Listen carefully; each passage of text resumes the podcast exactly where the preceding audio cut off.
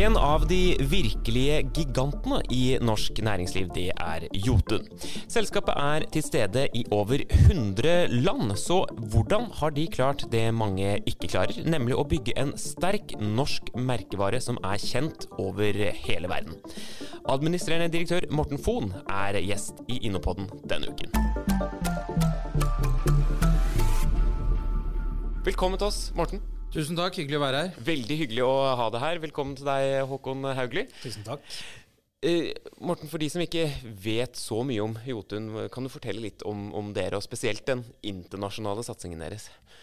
Ja, Som du sa, så er vi i ca. 100 land. Du kan kjøpe produktene våre i mer enn 100 land. Vi, eh, vi selger ca. 1 milliard liter maling, som er eh, en 40-50 ganger det norske malingmarkedet, for å sette størrelse på det. Eh, og vi selger maling for ca. 30 milliarder. Eh, vi er 10 000 ansatte. Eh, ca. 80 nasjonaliteter ansatt. Så det er et veldig internasjonalt selskap. Dere har jo lange tradisjoner. Hvor, hvor begynte denne internasjonaliserings... Det, det, eventyret dere har?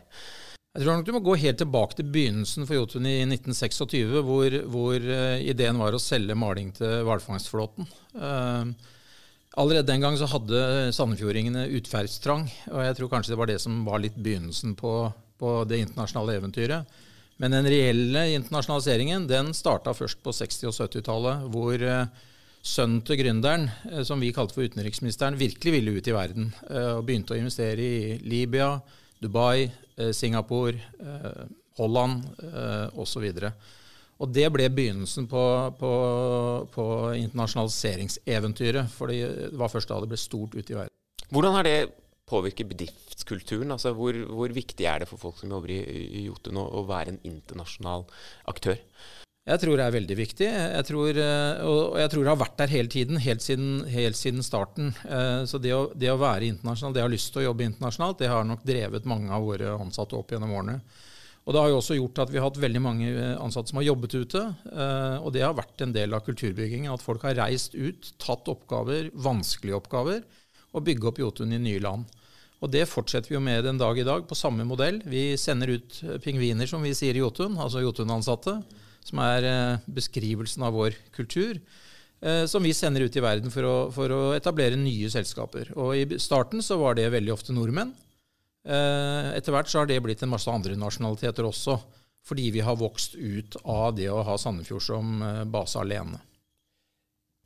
Vi og regjeringen og veldig mange andre aktører snakker nå om eksport. Altså vi skal satse på eksport.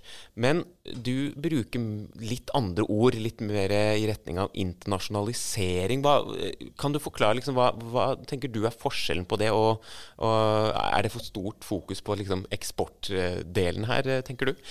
Ja, altså Vi er jo et norsk selskap, eh, men det ville jo vært helt utenkelig å produsere en milliard liter i maling i Norge og sende ut i verden.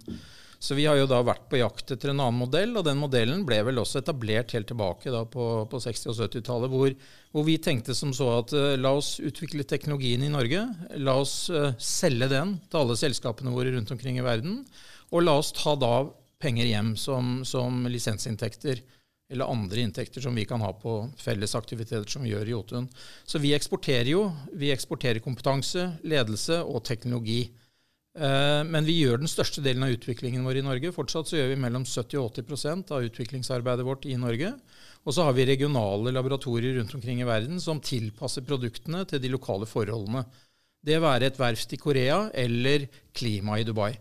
Uh, og Den jobben den gjøres til en viss grad der ute, men hovedbestanddelen er utvikling av produkter i Norge. Tenker du at den uh, tankegangen må tydeligere opp på agendaen, da, nå som vi virkelig snakker mer om eksport enn kanskje vi har gjort de siste årene? Jeg tror man må nyansere det litt, fordi dette er jo egentlig også eksport. Men det er eksport av kompetanse og teknologi og, og mennesker, egentlig. Uh, uh, og det tror jeg er en viktig del av det. Fordi, fordi, det er enkelte bransjer som er helt umulig å tenke seg at vi skal produsere varene i Norge og sende de til utlandet. Så vi må finne andre modeller. Men en sentral del i det er kompetanse. Og Det jeg tror vi må satse mer på da, det er å, å, legge til rette for at den kompetansen kan komme til Norge. For det er en del av den kompetansen vi må finne andre steder. Eh, og Her tror jeg vi har en jobb å gjøre for å, for å gjøre kompetanse mer tilgjengelig i Norge. Sånn at vi kan drive utviklingsarbeid her som vi kan selge i utlandet. Håkon, Eh, som jeg sa innledningsvis, så er jo Jotun her en av de virkelige gigantene i, i norsk eh, næringsliv.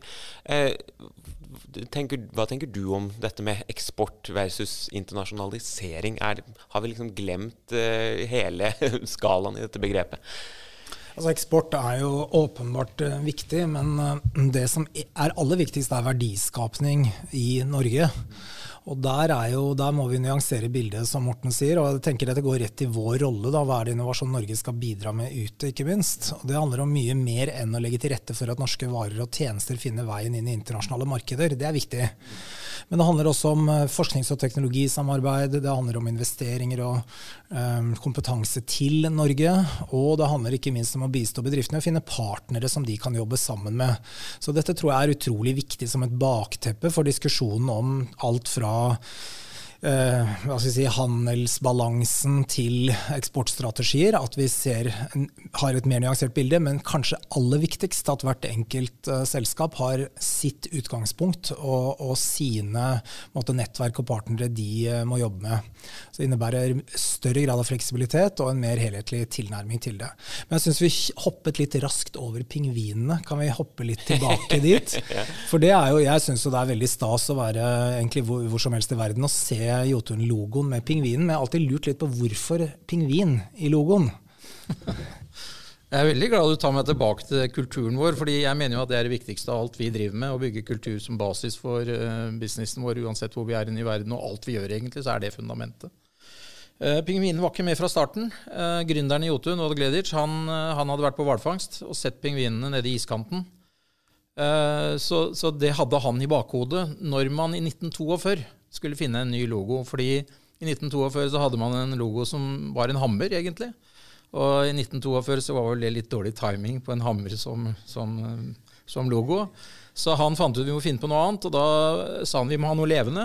Eh, og han hadde jo sett pingvinen klare seg i iskanten i fantastisk vanskelige forhold. Is, vind, vann osv. Så, videre. så han sa pingvinen må være en, en, et godt symbol for Jotun. Og så sa han en ting til. Det er jo aldri noen som har vært sint på en pingvin noen gang. Nei, ikke sant? så her var det en god basis for å begynne å bygge. Og siden 1942 så har vi jo bygd veldig mye rundt pingvinen. Og vi snakker jo om en pingvinkultur. Vi snakker om pingvinisering. Uh, så vi, vi, er veldig opptatt av å bygge kultur. Og den kulturen skal baseres på verdiene våre med, med lojalitet, med omsorg, uh, respekt. Og vi skal ha mot til å reise ut i verden og gjøre de er, er, kan det være også en forklaring på deres internasjonale suksess? At dere har hatt en så tydelig kulturbygging i selskapet?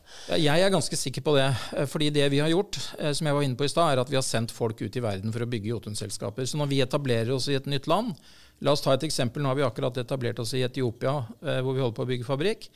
Og bygger en organisasjon der. Da sender vi inn syv pingviner som da kommer fra andre Jotun-selskap rundt omkring i verden. De kjenner vår måte å jobbe på, de kan kulturen vår, så vi bygger kultur fra dag én. Vi kjøper ikke selskaper, vi bygger fra scratch. Og da er kulturen en viktig bestanddel. Men selvfølgelig så er det andre også. Vi har en strategi som ligger fast over tid. Den må folk kunne. Den flytter vi inn i selskapet. Så det er kultur, det er strategi. og Litt at eierskapet supporterer denne måten å tenke på, har også vært viktig for oss. Vi er jo fortsatt en privateid Eh, virksomhet. Regjeringen og også mange andre som vi snakket om litt tidligere, legger jo nå strategi for norsk eksportsatsing. Eh, hva tenker du er viktig eh, at, at, de tar med seg inn i det arbeidet? Ja, altså for et selskap som Jotun så er det viktig at de tar inn i seg at vi må ha kompetanse eh, for å utvikle teknologier, løsninger, nye løsninger som vi skal selge rundt omkring i verden gjennom våre selskaper der ute.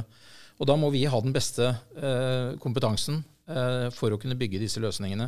Og de løsningene er ikke som før, hvor vi snakket bare om kjemikere som rørte maling og solgte ut i verden.